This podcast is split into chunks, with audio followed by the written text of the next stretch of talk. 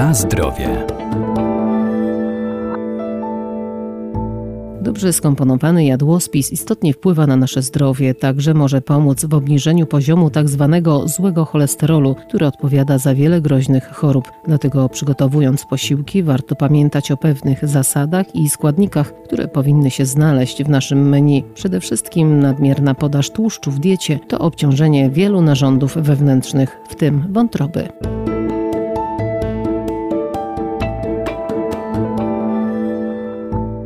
Każda dieta powinna być dostosowana do indywidualnych potrzeb, bo każdy z nas jest inny. Najlepiej żywienie rozłożyć na kilka porcji w ciągu doby, spożywać je regularnie i sięgać po produkty naturalne, nieprzetworzone, które pozwolą na obniżenie poziomu cholesterolu we krwi, a tym samym na zminimalizowanie ryzyka rozwoju niektórych chorób. Stłuszczenie wątroby jest bardzo częstym problemem zdrowotnym. Niestety, jeśli nie będzie odpowiednie działanie wdrożone, jeśli chodzi o zmianę stylu życia, czy czasami też farmakoterapię. Dietetyk Maciej Pokarowski, Uniwersytet Medyczny w Lublinie. Może niestety przejść to w formę przewlekłą i prowadzić do włóknienia narządu, czy nawet marskości wątroby, a niestety z marskości wątroby jest już blisko do e, raka wątroby. Natomiast to, co jest pocieszające, to to, że stłuszczenie wątroby jest e, w pewnym stopniu też odwracalne. Polega to na tym, że dochodzi do nieprawidłowości w stężeniu lipidów, no i dochodzi do gromadzenia się tkanki tłuszczowej wokół tego, tego ważnego narządu. Tak jak wspominałem, bardzo istotne jest to, że możemy za pomocą e, modyfikacji trybu życia znacząco poprawić ten stan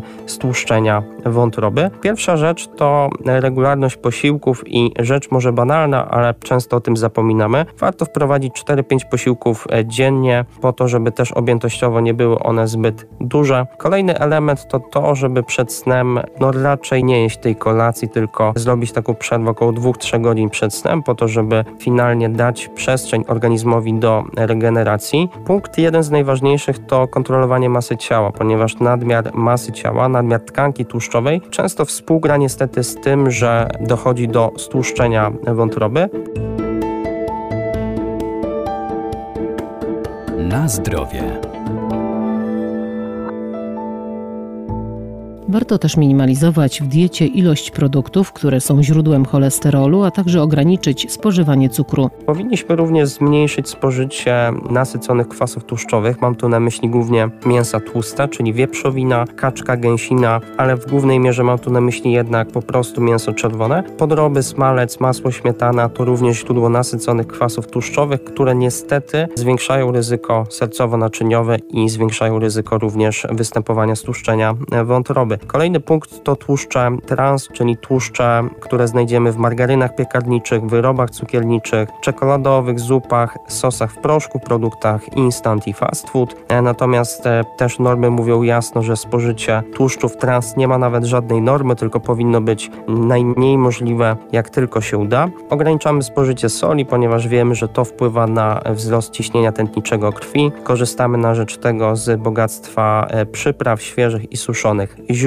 powinniśmy zwrócić uwagę na to, żeby minimalizować ilość produktów, które są źródłem cholesterolu. Co prawda odchodzi się od takiego bezpośredniego wpływu zawartości cholesterolu w produktu jako przełożenie na wartości cholesterolu we krwi, natomiast mimo wszystko nie należy przesadzać w diecie z jajami, śmietaną, podrobami czy tłustymi mięsami, mięsem czerwonym, ponieważ to jest znaczące źródło cholesterolu pokarmowego. Kolejny punkt to minimalizacja cukru w diecie. Natomiast ogólnie chodzi o cukry proste, słodycze, przetworzone też dania, które no niestety są źródłem zazwyczaj pustych kalorii. No i to niestety też może wpływać na zwiększenie syntezy LDL w wątrobie i prowadzić do stłuszczenia narządu. E, bardzo ważnym składnikiem jest błonnik pokarmowy, który ma bardzo istotne działanie. Ogólnie mówiąc wpływa na wydalanie nadmiaru tłuszczu z organizmu, więc ujęcie takich produktów jak świeże warzywa i owoce w każdym posiłku, nasiona roślin strączkowych, pełnoziarniste produkty zbożowe, zwiększa ilość błonnika pokarmowego i może być korzystny, jeśli chodzi o zmniejszenie stłuszczenia wątroby.